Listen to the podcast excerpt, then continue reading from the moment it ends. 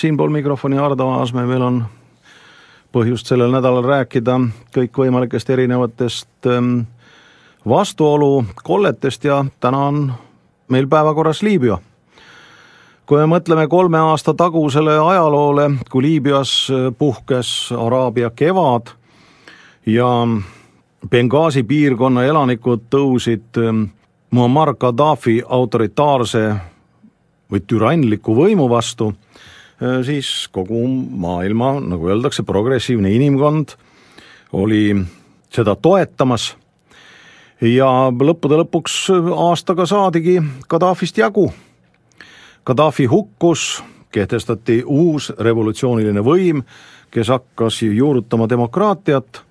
kuid nüüd on aastal kaks tuhat neliteist ja võib öelda, et asjad ei ole paremaks läinud. ja kui see süvapõhjus Tais peitub ähm, konflikti algena äh, paljuski Bangkoki ehk pealinna ümbruse iseäraliku jõukuse ja valdava osa riigi iseäraliku vaesuse vahel ehk ebavõrdsus ähm, majandusliku arengutaseme koha pealt, siis ähm, võib öelda, et Liibüas on põhjuseks loodusvarade ebaühtlane jaotumine Liibüa oma loomult on ju tegelikult koloniaalajastu väljamõeldis ja see on alles kahekümnenda sajandi alguse koloniaalne haldusüksus, sest varem jaotus sama piirkond Kürenaikaks, Tripolitaaniaks ja Fezzaaniks. Kürenaika keskus on siis Benghazi, kust algas Gaddafi vastane revolutsioon, Tripolitaania keskus on siis Tripoli ja Fezzan on kui raadiost seda püüda kuidagi kirjeldada, on ulatuslikud ähm, Kesk- ja Lõuna-Liibüa hõredalt asustatud kõrbealad.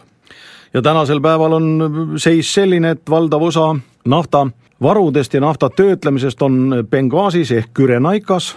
varasid on või varusid on ka Fessanis ja samal ajal Tripolitaania on nafta poolest suhteliselt ähm, vaene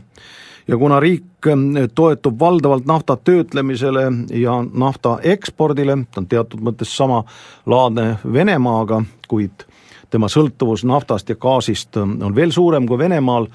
või täpsemalt selle ekspordist, eh, siis tänasel päeval ei ole suudetud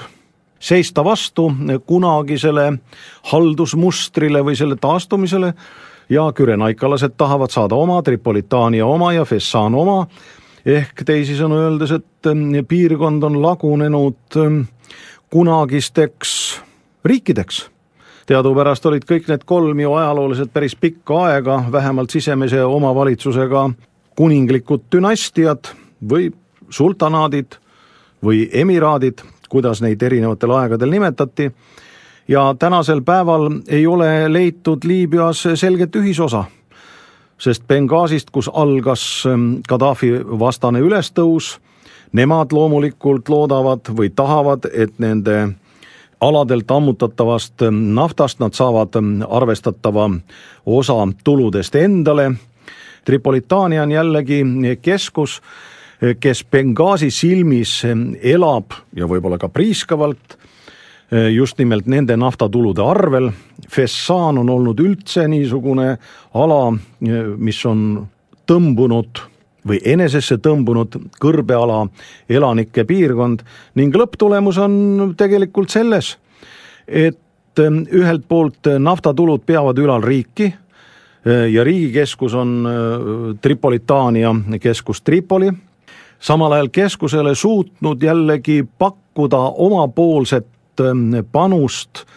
äh, äärealade edenemisse, ehk teisisõnu öeldes, et seal Benghazis või Fessanis vaadatakse, mis kasu meil sellest Tripolist on, äh, neilt me mingit äh, abi, toetust ähm, ega koostööd ei saa, me peame neid lihtsalt ülal pidama. ja tulemus ongi selles, et riiklust ei teki, sest ütleme, pealinna niisugune roll võiks olla ju suuresti selles, et mm, pealinna kaudu, no ütleme, kõige suurema asustatud piirkonna kaudu käib rahvusvaheline suhtlus ja rahvusvahelise suhtluse kausu, kaudu tuleksid siis ka ääremaadel naftatööstusse uuendused, see tähendab seda, et pealinnast, keda siis naftatuludest ülal peetakse või seda pealinna piirkonda, tal on vastu anda midagi sellist, mida need kaks ülejäänud piirkonda iseseisvalt ei ole võimelised või nende jaoks on ebamugav või kallis seda kasu saada. Kuna aga tänasel päeval on kujunenud välja selline lihtne muster, et meie siin ida- ja lõunaosa peame pealinna ülal pidama, siis meie seda teha ei taha ja nüüd edasine on juba tegelikult poliittehnoloogiline küsimus. palju räägitakse ju sellest, et vot Benghazis on seal eh, kindlustunud kõikvõimalikud islamirühmitused ja, ja lõuna pool kõrbetes liiguvad seal Al-Qaeda eh, sõsarorganisatsioonid ringi ja tegutsevad, tegelikult on see pikast vaatepunktist peaaegu ükskõik, kui organism on nõrgenenud, siis see viirus või seen, mis muudab ta haigeks, võib olla täiesti juhuslik. ja see on võrreldav justkui inimesega, kes on näiteks külmetada saanud ja, ja kui on parajasti jaol gripiviirus, siis sa võid saada gripi, kui on paragripp, siis sa võid saada paragripi, aga, aga sa võid nakatuda ka hoopiski mingisse muusse nakkushaigusesse, lihtsalt organism on nõrgenenud ja seal on täpselt sama olukord. kuna Liibüa ühiskond on nõrgenenud, siis selle nakkuse nimi võib olla Al-Qaeda või mis iganes, kuid tõvevoodile see ühiskond jääb ja, ja selle väljaravimiseks ei aita ainult sõjalistest ähm, operatsioonidest, vaid tuleb kuidagi lahendada küsimus, kuidas Benghazist ehk Kürenaikast vaadates pealinn on neile kasulik, et nendega on mõistlik naftatulusid jagada ja see ongi kogu küsimus. kui seda küsimust ei lahendata, see lõputu ebamäärasus ja ebakindlus jätkub lihtsalt sellepärast, et tehakse jälle mingeid ajutisi kokkuleppeid. sisuliselt olukord samasugune, nagu kunagi oli Lõuna- ja Põhja-Sudaani vahel